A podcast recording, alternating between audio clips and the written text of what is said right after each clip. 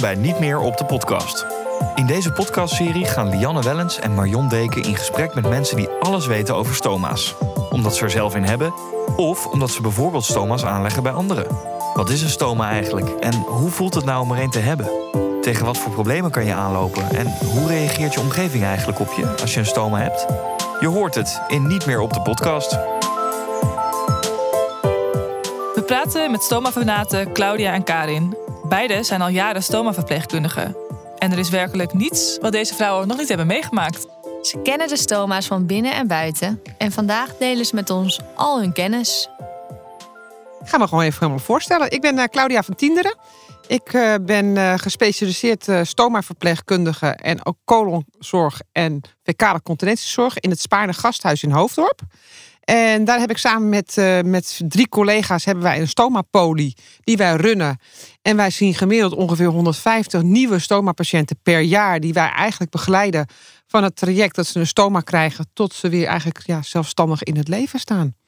En uh, dat doe ik nu ondertussen vanaf 2006. En naast mijn werk in het ziekenhuis doe ik ook veel voor onze beroepsverpleegvereniging. Waarin we eigenlijk uh, onze belangenbehartige uh, scholing geven met uh, onze collega's in het hele land. En daar ken ik Karin van. Ja, ik ben Karin van Nieuwkerk. Ik werk in het ziekenhuis Amsterdam. Ik ben stoom- en wondconsulente. wij zien wat minder patiënten in, jaarlijks. Ik denk gemiddeld wel rond de 30. Wat wij wel hebben, wel patiënten die in het VUMC geopereerd worden. En die komen dan bij ons het natraject doen. Qua aanvullende chemotherapie en dat soort uh, dingen. Dus die komen ook nog wel weer bij ons terug. En uh, waarom zijn jullie stoma-verpleegkundige geworden? Wat heeft jullie tot de stoma-zorg getrokken? Ja, nou dat is eigenlijk bij uh, de, een van de allereerste stomapolis in Nederland. Dat was Henny van Keulen. En Henny van Keulen werkte toen de tijd in de Maria Stichting in Haarlem. Daar werkte ik ook als leerling en uiteindelijk op de afdeling chirurgie. En ik dacht eigenlijk vroeg, ik word gipsverbandmeester, want dat was echt mijn ultieme droom. Tot ik met haar in aanraking kwam en dat zij me eigenlijk meer liet zien wat een stoma is. Dat het eigenlijk heel veel begeleiding is, dat het heel creatief bezig zijn is. En dat eigenlijk ja, qua materialen, qua patiëntenbegeleiding. En dat vond ik eigenlijk zo ontzettend leuk. Dus ik heb bij haar de eerste opleiding gedaan. En toen ben ik uh, daar uh, gaan werken. Dus zo ben ik uh, in het stoma land terechtgenomen, ja. zoals wij dat eigenlijk noemen. Alle soorten en maten stoma's trokken jou aan. Ja, ja en dan met name de begeleiding. Dat is eigenlijk, natuurlijk, ik vind het creatief bezig zijn heel erg leuk. Maar het met name gegeven moment, als iemand een stoma krijgt, dat is, een, is enorm heftig, welke diagnose ze ook krijgen. Maar ja, ga er maar aan staan. Je, krijgt, je hebt een stukje darm wat op je buik uitsteekt en daar moet je een zakje op doen. En nou, ja. Veel plezier ermee. Dus dat, ik, ik vind dat heel mooi als we met die patiënt kunnen gaan zorgen dat hij weer eigenlijk zijn leven terug kan krijgen, weer dingen kan gaan doen. En dat, uh, ja, dat trekt ja. mij enorm aan erin. Ja, want Karin, wanneer zien jullie eigenlijk patiënten voor het eerst? Uh, ik denk dat je. We zien de patiënten eigenlijk pre-operatief. Dus eigenlijk als ze de diagnose hebben gekregen. of dat ze een behandelplan hebben gekregen vanuit de chirurgie. of vanuit de chirurg. of eerst via de MDL-chirurgie. Dat is eigenlijk het stappenplan. Uh, en dan hebben ze voordat ze geopereerd worden. altijd een gesprek bij ons op de poli.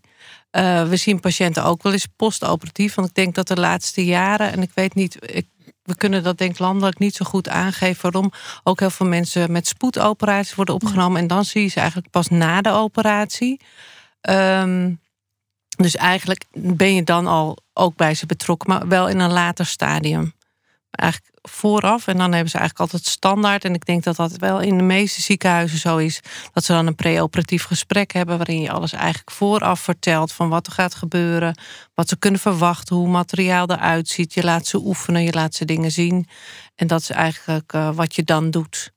En spreken ja. jullie alleen patiënten die sowieso een stoma krijgen? Of ook patiënten die misschien een stoma krijgen? Beide. Beide. Ja, het kan ook zo zijn dat er tijdens de operatie beslist wordt wel of niet. Maar dan krijgen ze sowieso de voorbereiding. Ja. Maar dat kan in principe ook wel eens per ziekenhuis verschillend zijn. Wij hebben ook inderdaad, je hebt een aantal indicaties waarbij, waarbij mensen worden geopereerd. En bij sommige indicaties is het standaard dat ze een gesprek krijgen. En sommige is het ook bijvoorbeeld zo dat mensen gewoon verzwakt zijn of mensen oud zijn. En dat we zeggen, nou, een gesprek over op het stomagebied is wel belangrijk, want de kans is best wel heel erg groot. Ja, want heeft elk ziekenhuis een, um, een stomapolie? In principe wel. Alleen wat je daar wel heel erg verschil in ziet, is dat er stomapolis inderdaad zijn een dagdeel in de week. Of er zijn stomapolis die zijn volledig vijf dagen in de week bemand. Dat ligt heel erg, dat is een beetje verschillend per ziekenhuis. De grootte van het ziekenhuis, hoeveel aanbod er is. Dus dat is echt wel, uh, ja, maar overal wordt echt wel stomazorg gegeven. En als jullie dan zo'n gesprek hebben met een patiënt vooraf aan de operatie, hoeveel informatie geven jullie dan? Ik denk dat dat. Ja, ik, ik heb die, we, tijdens de voorbereiding daar ook lang over nagedacht. In principe hebben we vanuit de richtlijn natuurlijk een, een eigenlijk eh, een, allerlei punten benoemd van wat wij vinden dat er gezegd moet worden. Maar ik denk dat je ook um, je skills heel goed moet gebruiken van wat ga je vertellen en wie zit er voor je. Want sommige mensen kunnen heel erg verdrietig zijn en dan kun je ze heel veel informatie geven. Uh, maar dat komt dan gewoon helemaal niet aan. Uh, dus ik denk dat je dat ook de kracht is dat je dat weet en dat je die patiënten dan in het in na-traject veel meer kan uh, vertellen. Uh, dus met name wat denk ik belangrijk is, dat je ze altijd wel laat zien hoe het materiaal eruit ziet, waar de plaats is waar het stomen komt, wat er eigenlijk gaat gebeuren. Dat is denk ik echt het allerbelangrijkste. En sommige mensen zijn natuurlijk helemaal voorbereid. Hè? Daar heb je ook de categorie, verschillende patiëntencategorieën in. Je hebt patiëntencategorieën die natuurlijk uh, chronisch ziek zijn met een colitis of een ziekte van Crohn. Die zijn vaak al heel erg voorbereid op het krijgen van een stoma. Die hebben zich ingelezen. Maar je hebt ook een categorie patiënten met een oncologische aandoening. Uh, en dan zeg ik altijd ook tegen die mensen zelf van... het is en, en, en, hè, en je bent ziek en je hebt een kwartaardigheid... je wordt geopereerd en je krijgt ook nog een stoma. En dan hebben ze vaak zoveel informatie... dat ze ook zoiets hebben van nou, ga maar maar opereren. Ik zie het allemaal wel. Dus daar zit ook heel erg het verschil in. Maar je speelt ook echt in eigenlijk op de behoeften bij, bij die patiënt. En naast die patiënt heb je vaak ook nog familie, uh, kinderen die er zitten. Dus daar zit ook weer vaak verschillen in. Dus het is best ja, eventjes zoeken, even aftasten. Ik zeg ook altijd, ik zie u voor het eerst. Ik zeg, ik, dus de eerste kennismaking. Ik zeg, ik, ik ken u nog niet zo goed. U moet mij vertellen waar u de behoefte aan hebt. Want ik heb wel, wij hebben de skills, wij hebben de kennis. Maar ik kan alles bij u neerleggen. Maar als dat heeft soms helemaal geen zin. En het is ook nog wel heel vaak zo dat we als we in het eerste gesprek alles vertellen. Ze onthouden ook niet alles. Dus we moeten ook nog informatie meegeven. Wat ook om het tastbaar te maken. Van oké, dit, is, dit is een zakje. Hier moet u knippen. Wij geven een toilettas mee, waarin zakjes in gaan, waar ook een, een, een stappenplan in zit van hier moet u, dit moet u gaan leren om uh, uw stoma te kunnen verzorgen. Lees het vast door. Ga thuis een filmpje kijken, dat iemand dat je vast kan zien hoe een stoma wordt verzorgd. Of naar een podcast luisteren. Ja. Of naar een podcast luisteren. Er is ook inderdaad een, een hele mooie app is er ook tegenwoordig ja. inderdaad. Ja, die, nieuw, uh, ja, die is nieuw. Er is ook een onderzoek naar waar ook heel Stoma veel in staat. De Stoma-app. Uh, en um, ik denk, zo ga je heel erg zoeken waar ligt die behoefte inderdaad. En er zijn mensen die gooien het allemaal in een hoek. En die pakken het niet op. Nee. En er zijn mensen die bereiden zich totaal voor. Ja. En ja, dat is het leuke, hè? dat mm -hmm. iedereen dus ook zo anders is. En waar merken jullie waar de meeste behoefte aan is? Uh, willen mensen toch vooral de praktische uh, tips al hebben over hoe het gaat? Of ook al van wat voor invloed een stoma kan hebben op, op hun leven? Waar merken jullie daar verschil in? Ik denk dat dat ook wel heel erg te maken heeft van welke patiënt heb je voor je? Waar zit hij in een fase van zijn leven? Is iemand nog werkzaam? Is iemand wat ouder? Ja. Um, ik, ik denk vind ook... dat wel, ja, het is, het is, heel wisselend. De ja. een is heel erg bezig met zie ik het, ruikt het, uh, dat soort dingen. Die komt er binnen van ja. uiterlijk vertonen. En, en de andere patiënt die heeft zoiets van, uh, nou kan ik wel uh, sporten of kan ik wel fietsen ja. of... en wat je ook wel heel erg hoort, en dat is wel heel grappig. Het is natuurlijk de laatste 10, 15 jaar dat alles natuurlijk enorm aan het veranderen is. Enorm veel innovaties op het gebied van alle informatievoorziening, maar ook qua materialen, alles wat er is. Maar wat je heel veel hoort, er komt er een, een, een, wat ouder iemand komt langs en dan zegt hij, ja, mijn broer of zus heeft een stoma gehad met alleen maar problemen. Ja. En dan heb je best wel een achterstand. Want het is natuurlijk ook op het moment dat je alleen maar problemen hebt. en je hebt lekkages. en je ziet iemand in het totale isolement. dan moet je echt wel iemand een mindset gaan maken bij iemand. om te zorgen dat we het anders kunnen. Sta je al 3-0 achter? Je staat ja. 3-0 achter. Ja. Ik zeg ook altijd, ik ben een soort belastingdienst. Ik kan die informatie echt niet anders maken dan het geven. Ja. Ja. Maar ja, je hebt wel die informatie ook nodig. En doen jullie eigenlijk alleen darmstoma's of ook urinestoma's? Uh, of patiënten met urinestoma's uh, zien en behandelen? Bij ons in het ziekenhuis doen we het allebei. De darmstoma's en de urinestoma's apart. En uiteindelijk hebben wij de keuze gemaakt inderdaad om uh, twee verschillende polies te hebben. Dus we hebben een darmstomapolie en we hebben een urinestomapolie. Ja, want kunnen jullie ons nog een keer uh, uitleggen wat voor stoma's zijn er eigenlijk allemaal? Je hebt een stoma op je dunne darm. Je, en dan een, je hebt een stoma op je dikke darm. Daar zitten verschillen. Je hebt een iliostoma, dat is eigenlijk op je dunne darm. Een colostoma is een stoma op je dikke darm. Dan heb je ook nog een dubbelloopsstoma. Dus dat je eigenlijk een lus naar buiten haalt, waar je eigenlijk twee openingen hebt. Je hebt een urinestoma, dat een, dus dat heet ook een eurostoma. Ja, die nou, zijn altijd eindstandig. Die zijn altijd eindstandig. En wat dus is dat... eindstandig? Eindstandig betekent eigenlijk dat de uh, stoma gemaakt is, waarbij de darm in zijn geheel naar buiten wordt gehaald en omgeslagen als eh, dat de binnenkant naar buiten komt.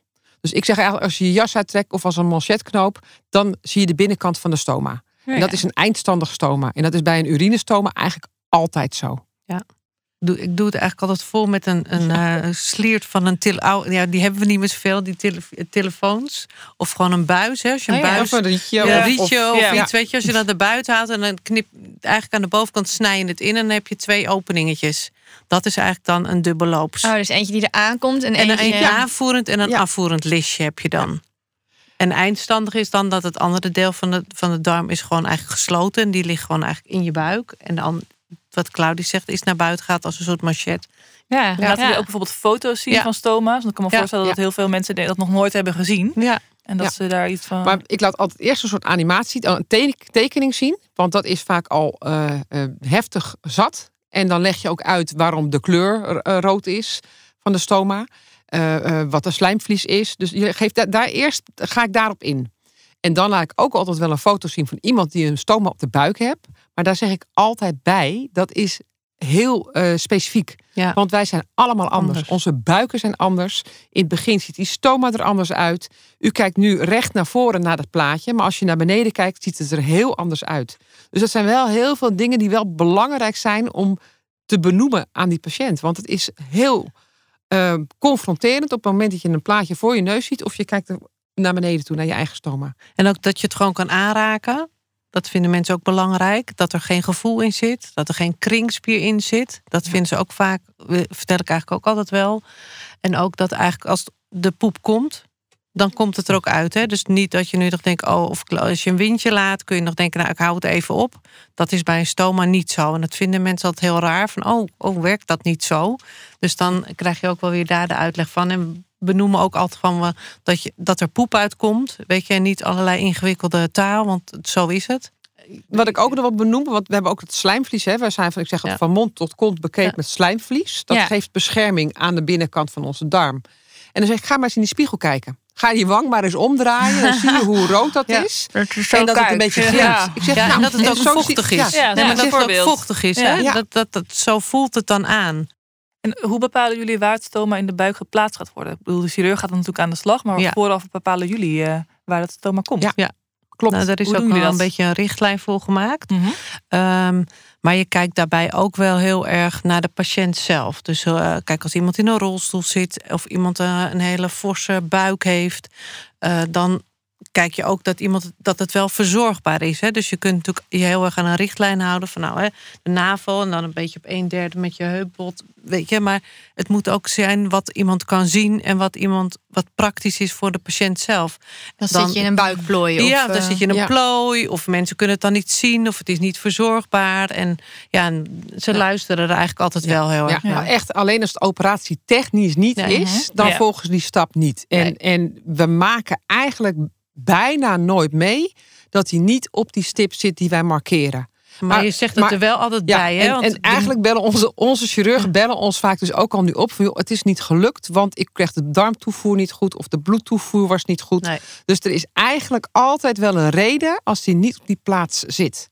En dan geven jullie hen op een flikker. Ja. Ja, soms wel. Ja, ja. want weet je, het Nou, dat is wel zo. van invloed Die plaats van die stoma is wel heel erg bepalend voor die patiënt. Hè? Kijk, jij hebt het over buik en plooien en dergelijke. Ja. Maar wat denk je van de, de oudere dames met de wat langere borsten? Ja. Maar wat denk je ook van, wij hebben een, ik heb een keer een mevrouw gehad, die was altijd wandelde en die wandelde naar Compostela en dat wilde ze heel graag doen. Dan heb je zo'n heel grote rugtas heb je op met zo'n band. Band. Ja. En dan zegt ze, ja, hoe moet het nou? Ik zeg, nou, ik zeg, neem je rugtas maar Ik mee. zeggen, oefenen jullie dan Ja, gewoon echt ja. met kleding Ja, of met ja. tassen? En ik heb agent mensen- gehad met, een, met zijn, eh, met zijn eh, wapengordel en dergelijke. Nou, neem maar mee, dan zoeken we daar een plek op uit.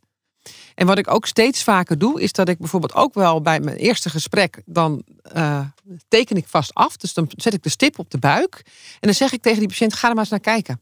Want misschien vind je wel, of als je geoefend hebt, dat je vindt dat je iets hoger moet of iets naar beneden moet. En soms komen ze dan ook echt terug van, nou, ik wil toch iets opgeschoven hebben.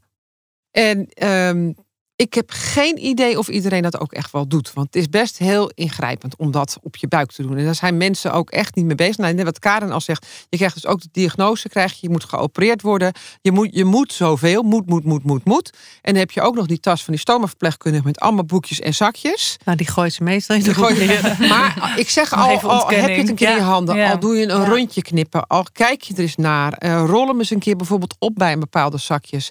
En dat helpt al. Kijk, het mooiste is als ze hem geoefend hebben, want dat betekent gewoon op het moment dat een patiënt van tevoren geoefend heeft, kan je bijna vertellen dat, ik, dat een patiënt de volgende dag zijn stoma kan verzorgen.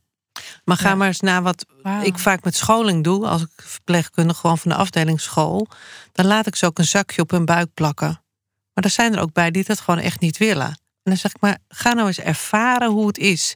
Maar dat vinden mensen dus al moeilijk als je Oh, geen stomen hebt. Om het gewoon Ja. op te plakken. Hè? Dus van, dat is ook altijd weer een eye-opener. Dat ik denk, ja, weet je, wij kunnen dat wel zeggen. Van, ga dat eh, zakje eens plakken. Maar zo moeilijk is het al. Zo moeilijk vinden ook verpleegkundigen gewoon in het veld het om Ja. het op hun buik te plakken. Nou, ik moet je eerlijk zeggen, eigenlijk elk materiaal wat Ja. nieuw of er binnenkomt, plak ik een op. dag op mijn buik. Ja? Ja. Een hele dag? Ja, Oh, ja? ja, want ja, een Oh, uurtje ja. heeft geen zin. Nee. je moet Ja. echt Oh, wat iets goed. voelen hoe het zit. En ik, doe, ja, ik vind dat wel. Hoe kan ik, ik, ben, ik heb geen stoma. Ik heb wel de kennis en expertise. Ja. Dus hoe kan ik nou tegen iemand zeggen wat ik ervan vind als ik het nooit op mijn buik heb gedragen? Ja, want er zijn ongelooflijk veel soorten en typen. Je kan Ja. denken, Ja, ja maar je, Enorm je, veel, hebt, je eh, hebt sowieso hebben we al, als ik het uit mijn hoofd heb, 16 merken. Ik, ik vergelijk het altijd aan mijn patiënten, zeg ik altijd de koffie. Ja. Dat klinkt heel raar. Ik ga naar de supermarkt en ik ga naar de koffie. Kijk eens hoeveel merken er zijn. En in die merken koffie heb ik ook nog cappuccino. Ik heb espresso. Ik heb latte macchiato. En je denkt echt, jeetje Hoe Mickey. maak je ooit een keuze? Hoe maak je een keuze? Ja. En het grappige is, dan zeg ik altijd tegen de oudere categorie. Ik zeg, weet u nog dat u ging samenwonen? Ik zeg, dan ga je koffie drinken van wat je schoonmoeder in huis hebt. En dan zie je die mannen altijd heel erg knikken. Ja, dat klopt. Ik zeg, en dan ga je na twee maanden of na twee weken zeg je tegen je, ik vind je vrouw, je koffie niet lekker. koffie niet te drinken. en dan ga je naar de winkel en dan ga je uitzoeken wat je lekker vindt. En dat is een zoektocht. Nou, dat is eigenlijk heel raar, maar met stoma materiaal ook. Ja. Dus je begint ergens mee. En ik vind zelf de basis van het aanleren van die stomazorg heel belangrijk. En dan ga je verder kijken. En dan heb je inderdaad, nou, eh, 16 verschillende merken. Dan heb je zakjes die open zijn, zakjes die dicht zijn. Je hebt eh, zakjes die kleiner zijn, die groter zijn. Je hebt je hebt, je hebt hele eh, capjes, je hebt plugjes, je hebt tweedelige systemen. Eh, daar heb je ook weer soorten in. Heb je, een soort, heb je een soort eh, starterspakket? Dat je altijd met één pakket bij iemand begint en dan vanuit daar gaat kijken wat het beste past? Nou, wat je, wat je, wat je heel erg ziet, is dat polyklinisch he- heeft de, de, hebben de stoma-verpleegkundigen vaak alles wel op voorraad. In de klinische fase, dus als mensen net geopereerd zijn, moet er een keuze gemaakt worden. En eh, vaak hebben ziekenhuizen een huismerk. En eh, dat vinden zorgverzekering heel, Heel- vaak heel lastig, want die denken dat wij bevooroordeeld zijn. Voorkeur Nee, hebben voor iets. hebben, wij hebben geen voorkeur, maar we Nee. moeten ergens mee beginnen. Ja. En naast dat die patiënten moeten omgaan met de stoommateriaal, hebben we ook verpleegafdelingen met eh 20, 25 verpleegkundigen. En als ik dan alle merken op de plank ga leggen, dan wordt krijgt het die een patiënt niet die zootje. goede zorg. Nee. Nee. Dus het belangrijkste is dat wij voor, in het preoperatieve gesprek zien wie voor ons zit. We kunnen kijken wat we kunnen verwachten. We kunnen ze vertellen wat er allemaal is. En uiteindelijk hebben we hun keuzevrijheid. En dat is belangrijk. Ja. En ook daarna, in het proces daarna.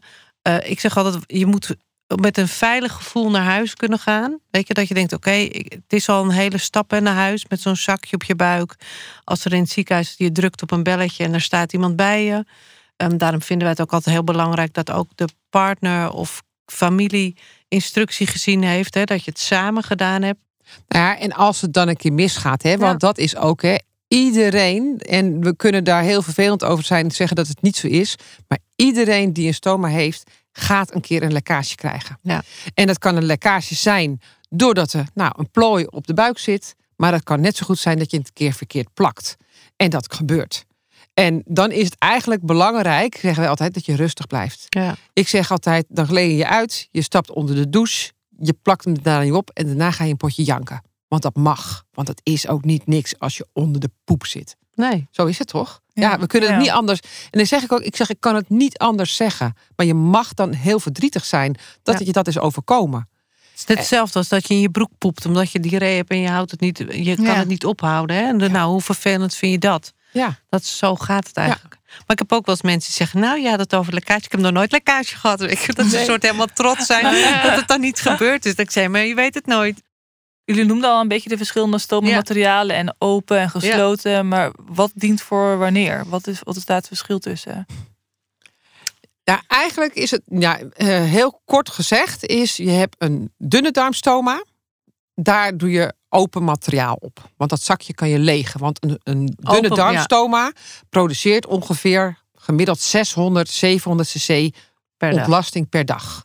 Nou, dat plak je in het zakje op de buik. Dan hebben we een eendelig systeem of een tweedelig systeem. Dat maakt niet uit, want het gaat om het, de, open, de En onderkant. open bedoel je een leegbaar zakje. Ja, dus Ja. dat je kan legen Met een inderdaad. dopje erop. Nee, met Of een, je rolt dat op. Je Ja, hebt ja. Een Ja, de- leegbaar zakje is eigenlijk een tuutje. Tuutje. Wat je na, ja, Een knippertemmeneetje. en ik- Je rolt het naar je toe en je doet het eigenlijk met een soort klittenbandje. En dat is per veerman, veerman natuurlijk verschillend. Hè?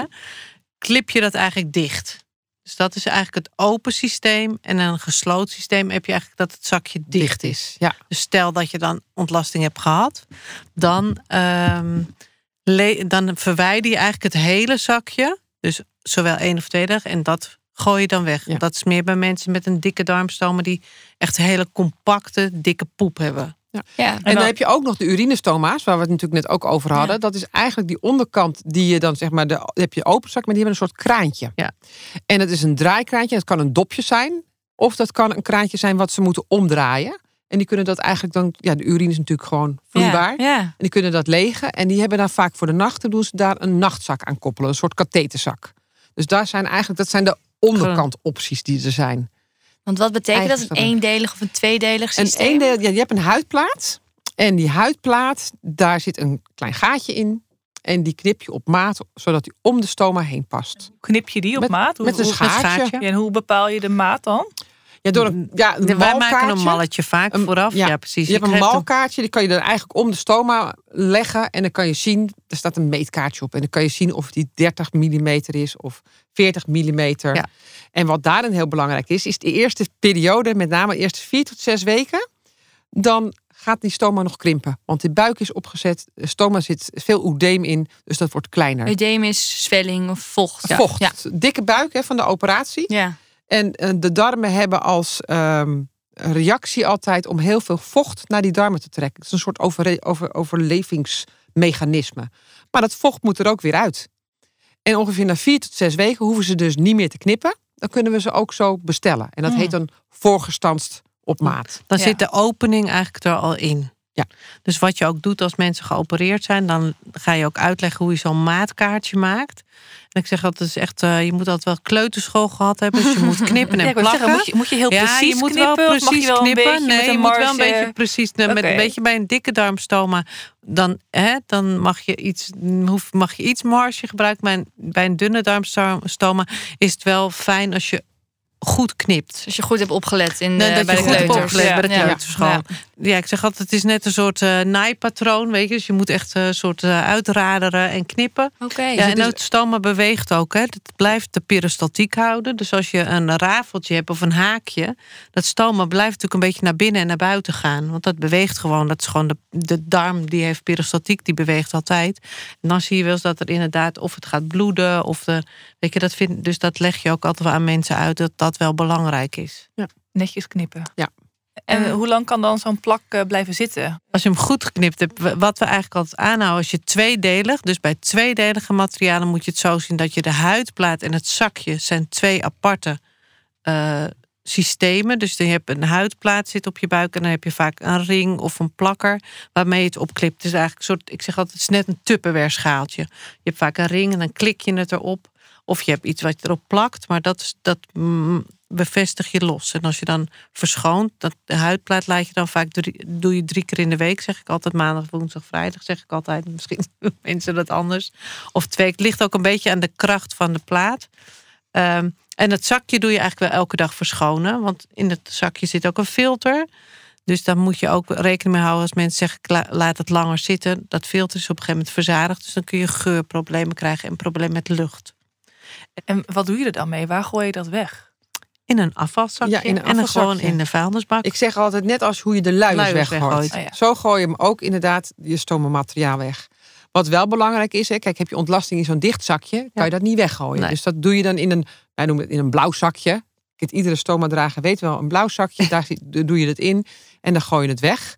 Heb je bijvoorbeeld een zakje wat je eerst wat Leeg is, leeg hem dan eerst even op de wc, want dat scheelt natuurlijk ook. Oh ja. Daar En zit dat- je ook zelf niet helemaal. Dat, het moet bij mij ook altijd eerst legen. Want als je het dan Ja. eraf gaat halen, zit alles onder de Ja. trek.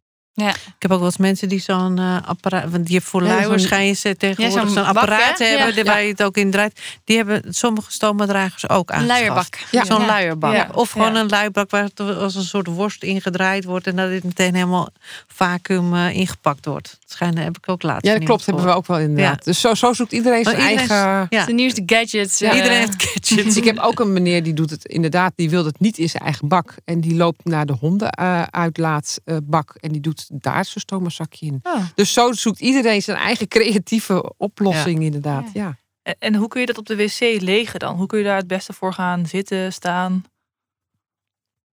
Ja. wat, bij mij, ik, tenminste, wat ik altijd zeg is gewoon goed zitten achter op het toilet. En we, zo oefenen, schuiven. goed naar achter schuiven, goed achterover op het, achter op het toilet gaan zitten. Een beetje je bekken kantelen.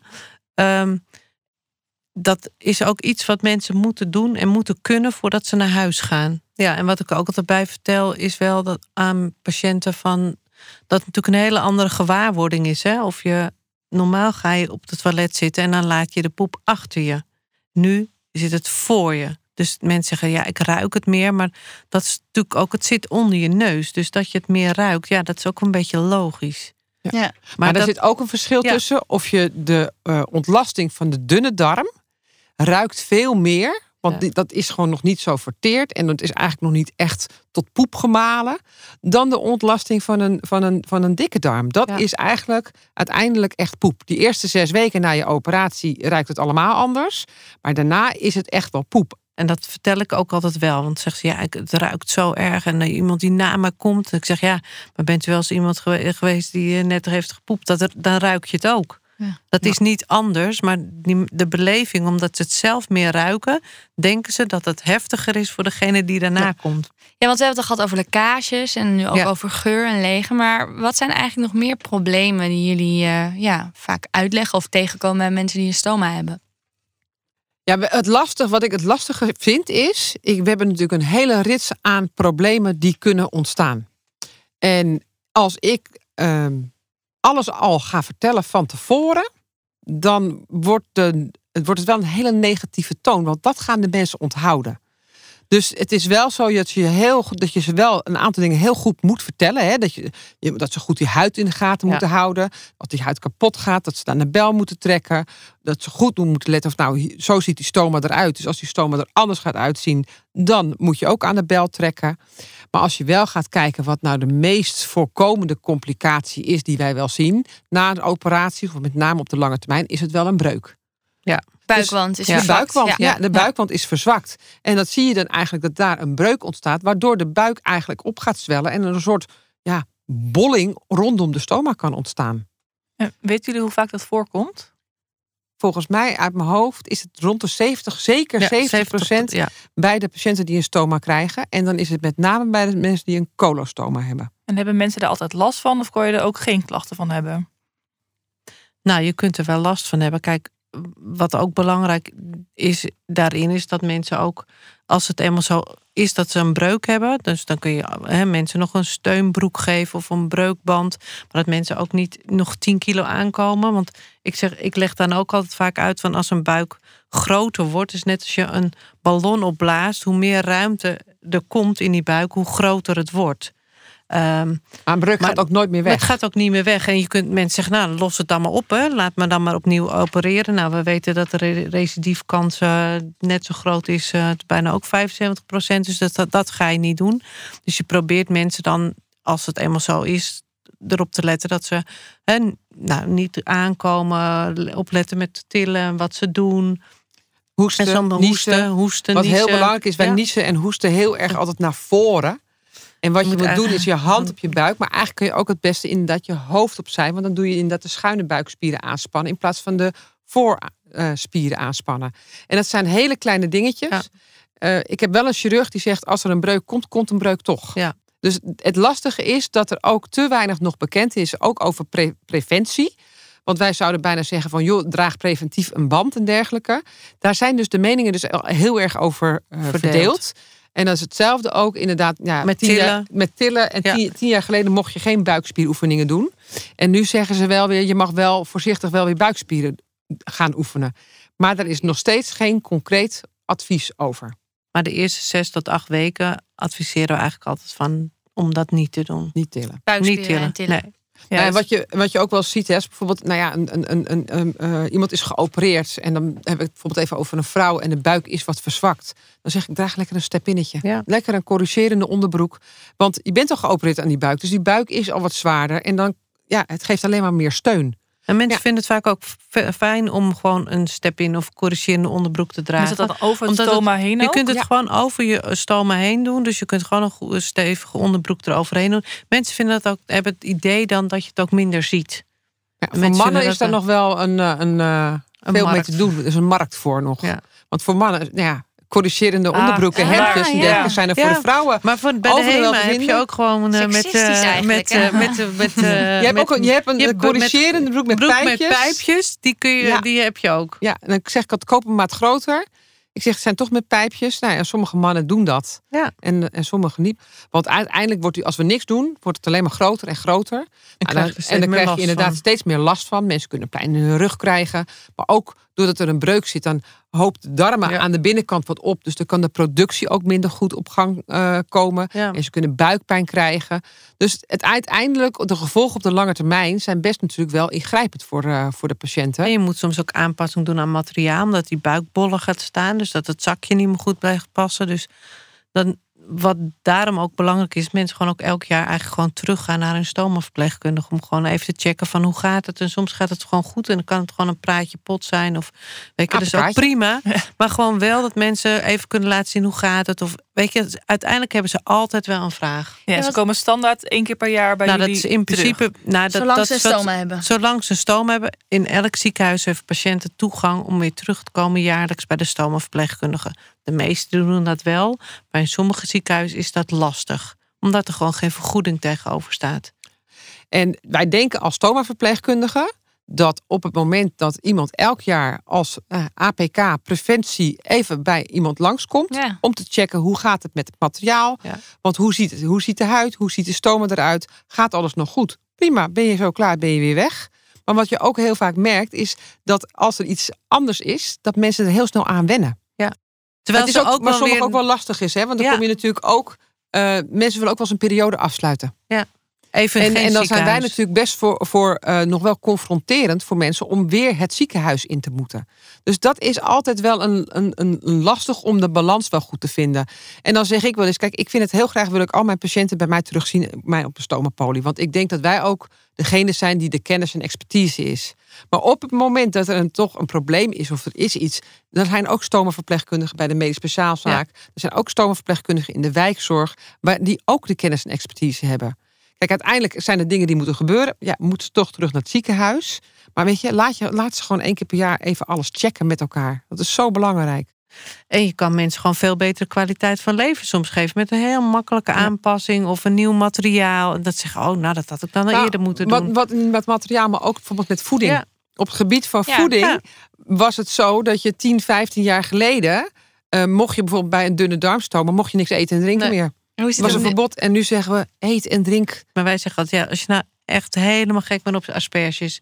Als je ze gewoon heel veel snijdt Ja. en goed koudt, ja, waarom niet? Eén cashewnoot tegelijk in je mond stoppen. En goed kauwen. en niet nee. een hand vol. Nee, maar nou, je bent gek op een biertje. En dan, ja, dan zeg ik altijd, nou, als je dat nou echt lekker vindt, moet je dat doen. Maar hou er rekening mee. Als je erop reageert, dat het stoma wat extra loopt. Maar als je dat nou echt lekker vindt, ga je toch niet zeggen, Ja. nou, Ja. dat gaan we niet meer doen. Dus tegenwoordig mag eigenlijk alles. En je moet zelf gaan onderzoeken naar wat, wat, je wel, wat je lekker vindt maar, en waar je op reageert. ja.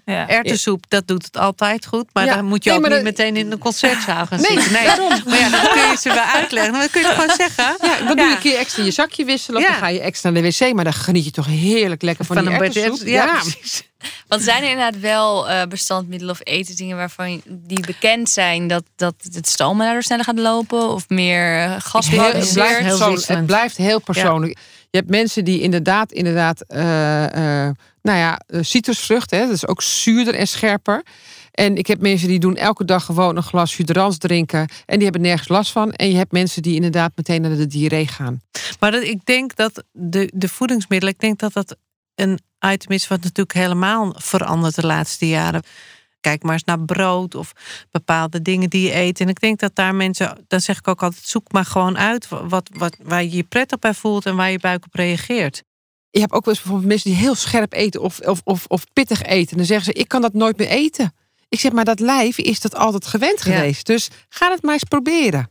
Bij die dunne darmstoma produceer je natuurlijk wel 600, Ja. 700 cc vocht per dag. Ja. Meer, ja, vocht. Het is gewoon dunnige, dunnige, groenige, breiige poep. Je verliest wel meer vocht en je verliest meer zouten. Dus het is wel belangrijk dat je daarop Ja. op let. Wij zeggen eigenlijk altijd tegen onze patiënten: ja, je moet anderhalf liter zeker drinken. Maar als je iets drinkt, moet je iets eten. Want dan je moet zorgen dat het bindt. Als jij een glas water achterover drinkt, komt het meteen loopt het je stoma uit. Maar als jij er inderdaad een koekje bij eet, of je doet er inderdaad een biscuitje bij eten, of een tukje of een eh zoute chippies, dan ga je binden. En zo ga je inderdaad zoeken wat, wat, wat, ja, wat werkt bij iemand. Bijvoorbeeld ook voor de nacht, neem maar een Ja. half banaantje. Ga maar kijken, dan, dan loopt het minder. En dan kan je misschien de nacht in plaats van... Ja, je moet eigenlijk altijd wel één keer, één keer uit, sommige twee keer. Ja, als jij eh, om tien uur een banaantje neemt... hoef je er misschien maar één keer uit in plaats Ja. van twee keer. Dus zo ga je met elkaar zoeken en adviezen geven. En wat bij ons ook altijd is, bij die dunne darm is het best wel veel wat je moet weten. Dus bij ons komt ook altijd de diëtiste langs. Ja. En ik moet je wel zeggen, wij geven ook altijd het boekje van de Stoma-vereniging over eh, voedingstips. Want dat is een boekje wat heel duidelijk is, waarin heel goed staat ehm, wat de mogelijkheden zijn en niet wat je niet mag. Maar dat je echt gaat zoeken van, nou, wat mag ik allemaal, wat kan ik allemaal. Dus in die combinatie proberen wij dat vaak wel te doen. Probeer ook wel altijd aan te geven, nou weet je, gemiddeld als je dan gaat legen, want je hoeft ook niet met een kannetje te gaan meten hoeveel er ongeveer uitkomt, maar als je meer dan, eh, denk ik, ik hou het een beetje aan vijf tot zes keer, maar als je dan echt denkt van nou het loopt nu weer heel veel, ik heb vandaag al tien keer mijn zakje verschoond, weet je, dat je dat soort tips wel geven, nou houd dan even in de gaten wat er gebeurt of dat het En wanneer moeten ze met jullie contact opnemen als het stoma echt heel veel gaat produceren? En wat is te veel volgens jullie? Nou, als het echt eh 10, 12 keer per dag eh, echt en het giet er echt uit. Dus mensen gaan dat zelf al zien. Als het echt waterdun is en het blijft lopen. En in het begin is dat natuurlijk altijd een beetje wennen. Eh, maar als het gewoon anders is dan, dan ze noemen. Ja, dat ik. In principe is het ja, 24, 48 uur. Ja. En het verschilt een beetje. Een liter, anderhalve liter is wel dat je dat moet ehm, eh, alert op moet zijn. Ja. Dus als het echt wat dun, als het echt waterig dun wordt, dan moeten ze er wel, want je gaat meer verliezen. Dus eigenlijk zeg ik altijd, zorg er wel voor dat je altijd ORS in huis hebt. Dat als je al dat water dun wordt, dat je in ieder geval je, je, je zouten gaat toevoegen. En, en bel, Be- neem Ja. contact op. Want als ze dat Dan niet met doen... jullie? Of Ja, Ja, of bij met- ons, bij ons mogen ze gewoon met ons contact opnemen. En dan geven ze eerst voedingsadviezen, dan geven ze vochtadviezen, dan kunnen we eventueel met medicatie kunnen we doen. En dan proberen we eigenlijk ook al eh, eh, ja, te kijken of we dat kunnen redden. Want soms is het zo, als het niet beter gaat, ja, dan moeten mensen wel eens heropgenomen moeten worden. En dat is natuurlijk heel, heel zonde, zou dat zijn. Wij hebben een speciaal protocol daarvoor, waar we eigenlijk alle stappen met elkaar kunnen doorlopen. Dat hebben we met de chirurg, die hebben het ook toegestemd. Dus die medicijnen kunnen we ze ook die mensen, de mensen gewoon geven. Eh, en dan eh, lukt dat meestal lukt dat wel. Combinatie van vocht, medicatie, dan eh, lukt het om het een beetje onder controle te krijgen. Wij zien eigenlijk sinds wij dat protocol hebben ook bijna geen heropnames meer. Nee. Dus dat scheelt wel. En wel, we, jullie hadden het net al kort over buikspieroefeningen en zwaar tillen. Mhm. Maar ehm, mogen mensen eigenlijk gewoon alle sporten doen als ze een stoma hebben? Zwemmen, eh, karate, wat Vechtsporten. Ja. In principe wel. Als jij altijd al karate deed, je deed altijd al duiken, Kickboksen. kickboksen, Ja, kickboksen. dan kan, het, dan kan Ja. dat gewoon weer. Contactsport. Contactsporten eer. Alleen je moet wel natuurlijk even goed kijken, want er zit wel een stoma. Weet je, die buik is wel geopereerd, dus het is, die is verzwakt. Wat we dan vaak zeggen, met name de contactsporten, dan heb je een soort, ja, ik, ik noem het eigenlijk altijd een soort tok. Dat is eigenlijk een, een soort Ja. plastic Ja. beschermkapje, wat je dus om je stoma kan doen. En dat kan je het beste eh, eh, vastzetten met een, met, een, met een breukband, met een, met een flapje eigenlijk. En die wordt ook vergoed door de verzekering. En die kunnen ze dan dragen. En dan kan je wel inderdaad gewoon sporten. En als het stomen dan alsnog een beetje gaat lopen, kan dat in dat kapje? Ja, ja, dus Ja, het, is, het is een soort bollings zit er eigenlijk zit er een beetje in. Dus je doet Dat is echt eigenlijk. een- meer echt ja, een het is echt een tok is het. Als je Ja. de tok inderdaad ziet, zit er een opening aan die binnenkant. En dat zit bij die caps zit dat eigenlijk ook. Ja. En dat doe je er eigenlijk omheen. En dan is gewoon eigenlijk klik je dat een beetje vast. Dus je doet je stoommateriaal, draag je gewoon zoals je gewend bent. En dan doe je die, eh, dus die cap Om eroverheen. je stoma materiaal doe je dat nog extra Ja. erop. Ja. En verder met je, kijk, en met zwemmen heb je verder alleen draag je je stoommateriaal in je badpak. En dat Kun is je gewoon een stomamateriaal gebruiken? Ja. Ja. Laat niet los als het nat wordt. Nee, het gaat eigenlijk alleen maar meer hechten. Oh, Dat merk je hoe als je mensen transpireren bij een zwembad, een eh, watergebruik, saunagebruik, zie je eigenlijk dat het alleen maar meer gaat hechten. En wat je dan vaak ziet als je daarna het materiaal eraf haalt, dan zie je dat het wel wat meer draderig is. Want het is eigenlijk de lijmlaag die dan gewoon zo vast zit. En ja, wij, ik geef altijd advies na het sporten, na douchen, zwemmen, haal dan je, Ja. wissel dan je materiaal in plaats van voor die tijd. Want heel veel mensen denken van ik wil eh, schoon Ja. sporten. Schoon Want sporten dat is natuurlijk het, eh, ja, het eerste waar je aan denkt. Maar je materiaal zit er al op, dus het zit heel veilig. Ja, en bij En- stomen op je dikke darm heb je het ook nog wel dat je een kleiner zakje kan gebruiken of een plug die je erin kan doen. En doen. zonnebaden. Ja, Dat kan ook allemaal Ja. gewoon. eh, Ja, ik zeg altijd wel van, ik vind in de, in de volle zon, ja, weet je, je hebt, le- leg er iets overheen. Want het is natuurlijk wel eh, wat, wat kwetsbaarder. Maar je hebt vaak ook gewoon je badpak heb je aan of je een, een, ja. een zwembroek of iets. Het is een beetje even kijken. Je moet niet zonder materiaal in de zon gaan. Dat is iets wat je in ieder geval niet moet doen. Kan je geen zonnebrand opsmeren? Nee, Nee, Nee, nee, zeker nee, niet. zeker niet. Nee, je mag niks je mag niks. Je mag rond.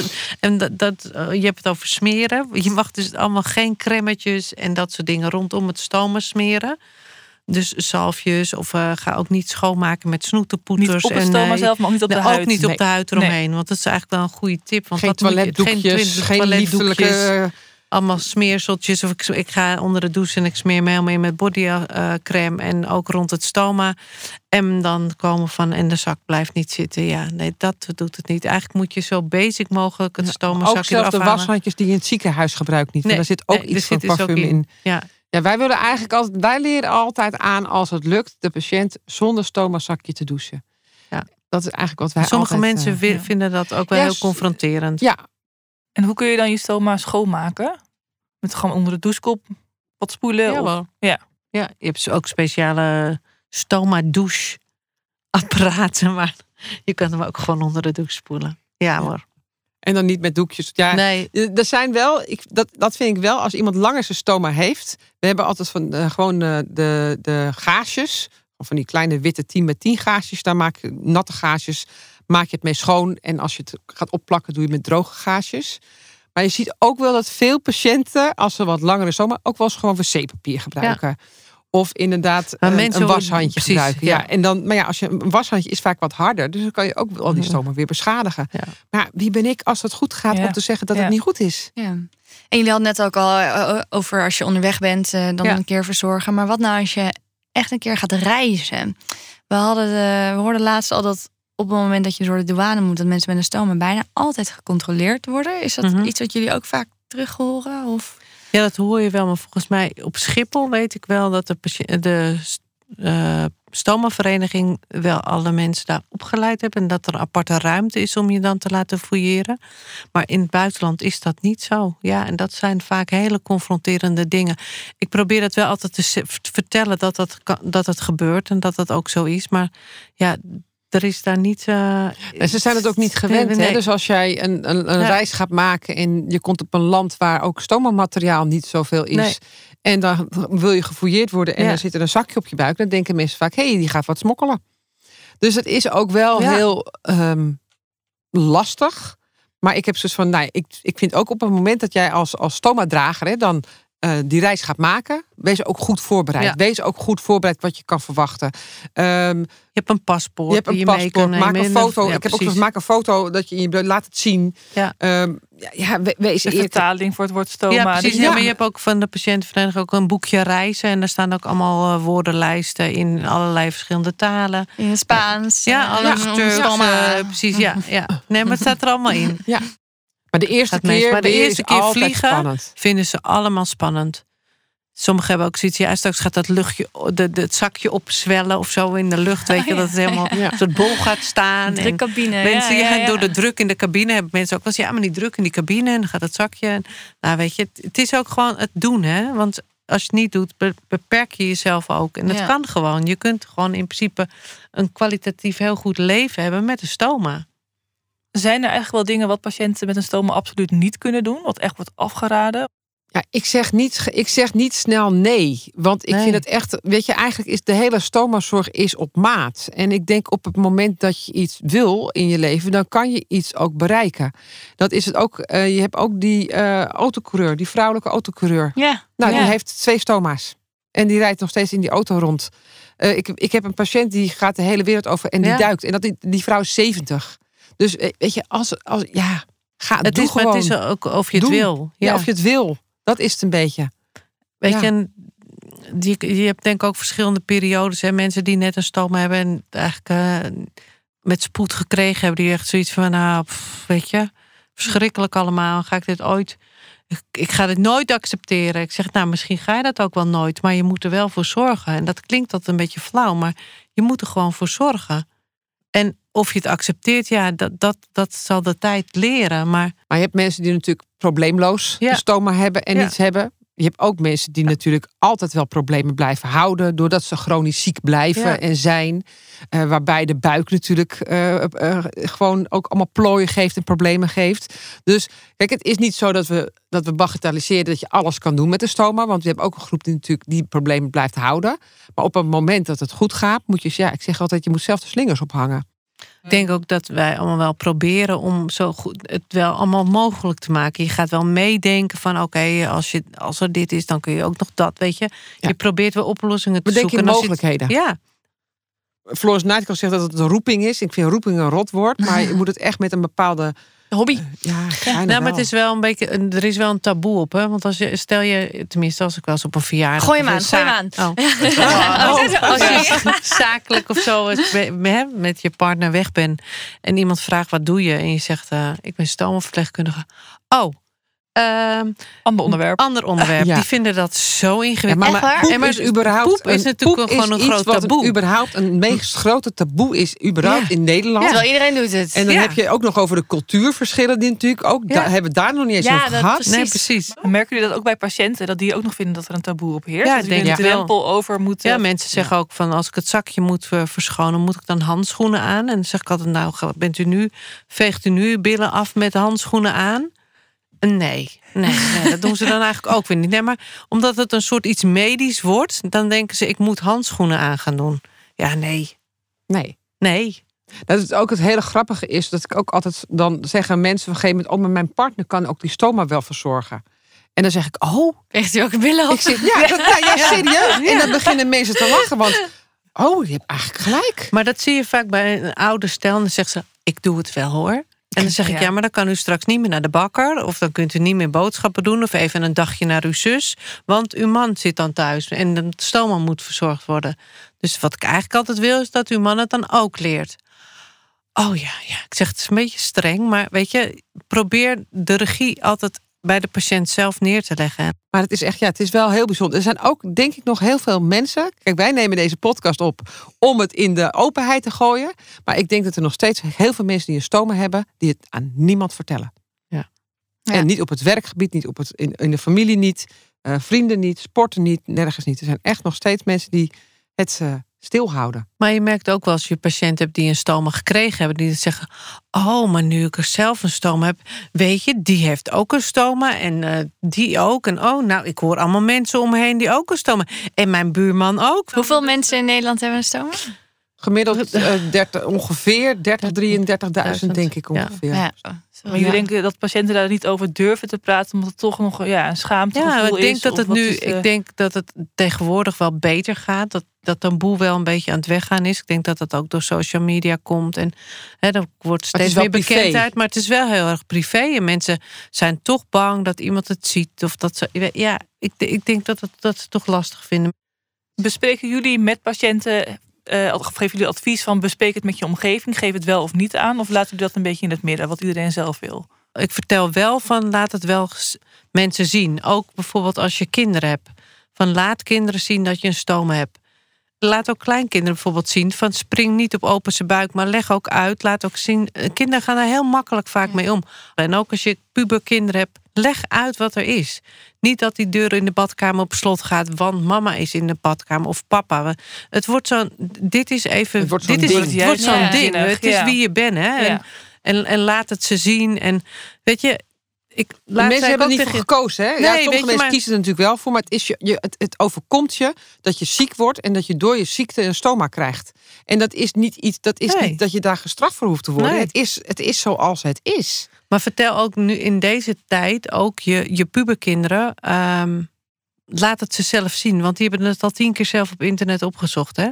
Want dat is hun wereld. Ah, Mijn kinderen, mijn dochter, die was inderdaad, die heeft gewoon een spreekbeurten gehouden op de lagere school. Over, voor, mij, voor mijn kinderen is het natuurlijk geen taboe, want het Nee, is mijn ja. dagelijkse werk. Dat is, het is ook een, een, een, een wind laten in huis. Dan zeg ik, ja, dat moet ook. En dan zegt mijn dochter, die vindt dat weer lastiger. Ik zeg, twintig winden per dag. Iedereen laat ze. Ja. Maakt het uit. Zelfs de koningin. Zelfs Ja, de precies. koning. En ook al merk je het niet, je doet het toch. Ja. En, Nee, maar dat, dat, dat probeer je ze wel uit te leggen. En toen zei hij van, ja, misschien... Ik had laatst iemand zei, ze, ja, misschien heb je wel gelijk. Misschien hebben ze het al lang opgezocht. Ik zeg, nou, dat weet ik wel zeker. Ja. Weet je, dus dat... En met je, Moet met je kinderen uitleggen is natuurlijk Ja. één ding, maar bespreken jullie ook van hoe ze dat met hun partner of met hun relatie, of als ze juist nog single zijn, hoe ze dat dan moeten doen Of met over in- stoma? ja, intimiteit. Ja. Nou, het is altijd een, een, een eh, eh, onderdeel van het eh preoperatieve informatiegesprek. En het is heel belangrijk, want eigenlijk heb je natuurlijk seksualiteit, intimiteit, bestaat wel uit twee dingen. Hè? Het kan natuurlijk ook functionele problemen geven na een operatie. Dus dat inderdaad een man geen erectie meer krijgt, of een vrouw inderdaad dat de vagina heel eh, droog kan worden. Maar ook inderdaad het stukje acceptatie, het zelfbeeld. Dus het is, het is veel meer. Dus Het is wel een eh, beetje aftasten ook Ja. van hoe, hè, ook hoe een relatie is. Ehm, en ook wel een beetje, het, het tijdstip is soms ook wel, weet je, doe je dat al in een pre-operatief gesprek, weet je? Het is ook een beetje, eh, ja. Wij, wij leggen hem altijd Het, neer het is, het en is wel iets wat je bespreekt, maar het is ook iets wat mensen vaak in een later stadium zeggen van goh, heb je niet een ander zakje of een kleiner zakje of het ritselt zo of dat je het dan maar we benoemen. Ja, je moet het ja. wel zeker wel we noemen benoemen. ook, maar wat ik ook belangrijk vind, is dat het is een onderwerp waar je over eh, kan praten en mag praten. En dat iemand ook zich heel erg zoekt bij wie ze zich veilig voelt om dat Mm. bespreekbaar te Ja. maken. En ik zeg altijd, dat hoeft niet ik te zijn. Dat kan ook mijn Kan collega's zijn. Dat kan ook de, do- de dokter zijn. Dat kan ook de verpleegkundige specialist zijn. Ik zeg maar, weet dat het bespreekbaar is. Er zijn geen rare vragen, want wij zijn er om u te helpen. Dus kom ermee. Dus Maar herhalen jullie dat wel? Bijvoorbeeld als mensen ehm, na, na twee, drie maanden na een operatie komen? Ja. Wij, dat- wij wel. Ja. Het ligt natuurlijk wel een beetje aan eh, of ik de patiënt zie. Maar bij ons is het wel een standaard Maar het is denk ik ook heel gesprek. belangrijk, hè? want het, het, weet je, het is ook niet leeftijdsgebonden, dat ze ook zeker niet. Ja. Ehm, En wat voor Maar- verhalen horen jullie dan bijvoorbeeld? Ik denk met name eh, dat ze het de ritselen of het zakje, weet je, dat, dat ze dat soms lastig vinden. Maar dat met name ook het zelfbeeld, wat soms met name wel gestoord is, van dat je wel met een zak op je buik zit. Nou ja, of dan heb je een, een, een dunne darmstoma Ja, en dan en heb je zin in seks om seks te hebben en dan zit het zakje vol. En dan nou, moet je zin is weg. bed. Ja, dan moet je eerst Nou, weet je, dat, dat soort Ja. tips en adviezen, Want ik heb ook eh, begrepen dat je eh, soms een stoma kan spoelen. klopt. Hoe gaat is, dat? Dat is met name met dikke darmstoma. Dus de, de colostoma eh, kunnen mensen spoelen. En dat betekent eigenlijk dat ze met een, een soort konus, met een, ja, ik zeg een dopje waar je vocht doorheen kan, eh, met een slangetje waar je vocht in de dikke darm kan eh, ja, laten lopen. En dat de ontlasting dan eruit komt en dat iemand dan 24 uur geen ontlasting heeft. Oh. En dat kan je door middel van een pomp of dat kan je door middel van een waterzak, kan je dat eigenlijk kan je iemand dat aanleren. En, En in hoeveel tijd komt dan dat vocht weer terug? Of hoe? nou ja, we, we zeggen altijd, weet je, je moet ook weer wennen. We zeggen überhaupt, na de eerste zes weken moeten, kunnen, kan dat niet. Na die zes weken kunnen wij daarmee gaan starten. Eh, de patiënt moet ten eerste natuurlijk zeer gemotiveerd zijn. Want mensen, het is, kost wel weer wat, wat, wat energie en ook eh, tijd van die patiënt. Want in het begin moet je toch echt wel rekenen dat je een uur per dag daaraan kwijt bent. En of dat nou s'morgens is, s'middags of s'avonds is, dat maakt niet uit. Als je maar wel een beetje een vast ritme daarin eh aan maar is dat Ehm, een uur lang eh, op de wc moeten zitten? Een uur lang wachten tot nee, het dat, inwerkt? dat hoeft niet, want je, je, hebt, ja, dat klinkt, je hebt een stoma. Dus je hoeft niet continu de hele tijd in je badkamer te zitten. Je moet eigenlijk een plekje hebben waar je je prettig voelt. Waar jij inderdaad je stoma kan spoelen. Nou, dat doe je met een pomp of dat doe je met een zak. En daar doe je zeg maar ongeveer 500, 600 milliliter water in. En dat kan oplopen tot anderhalf liter. Dat net een beetje afhankelijk van hoe het gaat. Dan hebben we een soort lange doorzichtige zak gaat eigenlijk om die stoma heen. Waarbij je aan de bovenkant inderdaad, zoals het heet, de konus in de stoma kan plaatsen. En het vocht, de water loopt er dan in. Dan als dat klaar is, dan ben je klaar. En ongeveer een half uurtje heeft dan eigenlijk de tijd, het water de tijd nodig om ja, de ontlasting los te weken. En die komt dan naar buiten. En wat is de reden waar mensen dat doen? Er zijn mensen 24 uur vrij van ontlasting. Sommige Dus als je dat, dus, 48 dus ja. als jij. Dan heb je ook eh, geen zakje meer nodig. Nee, dan heb je, nou nou ja, je moet altijd wat er overheen plakken. Ja. Alleen normaal gesproken heb je een zakje wat inderdaad 20, 25 centimeter is. Maar nu kunnen mensen dan een klein capje dragen. En aan een capje dan is ongeveer, te groot zeg maar 10 bij 10 rondom. Kan je eigenlijk dat capje met huidplaat op de buik plakken. En dan ben je vrij van ontlasting. Mensen, het geeft een heel vrij gevoel.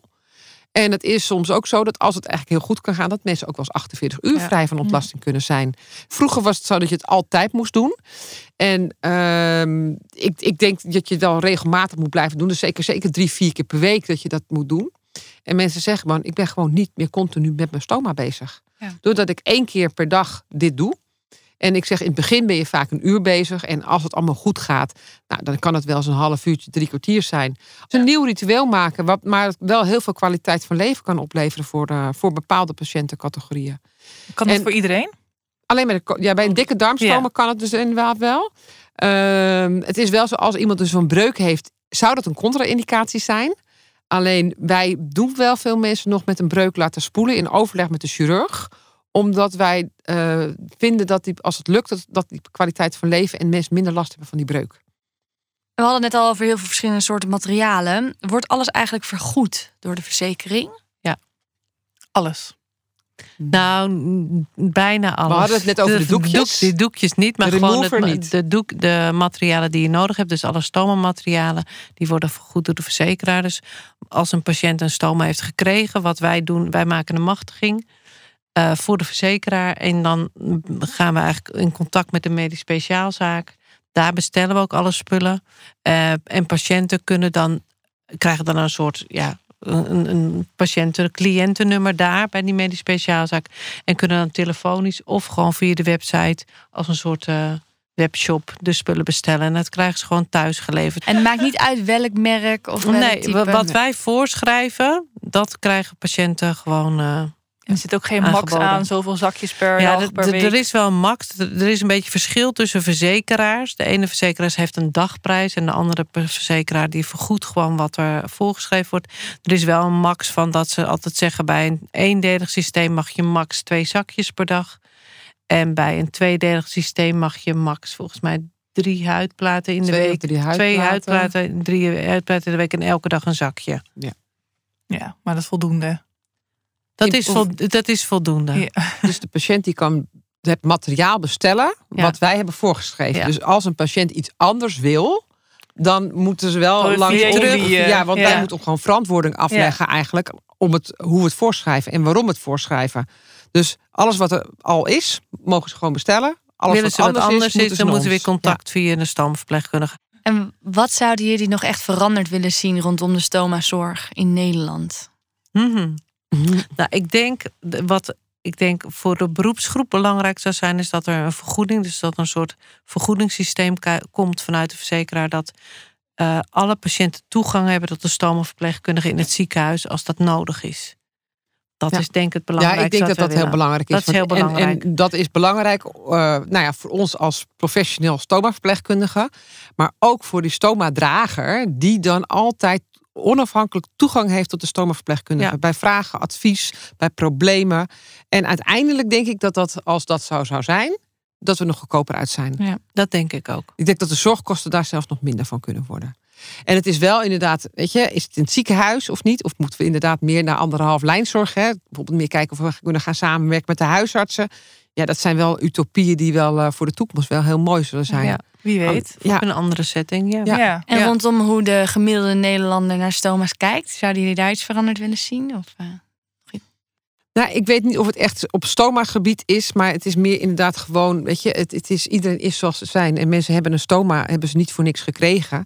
Maar je bent gewoon nog steeds dezelfde persoon.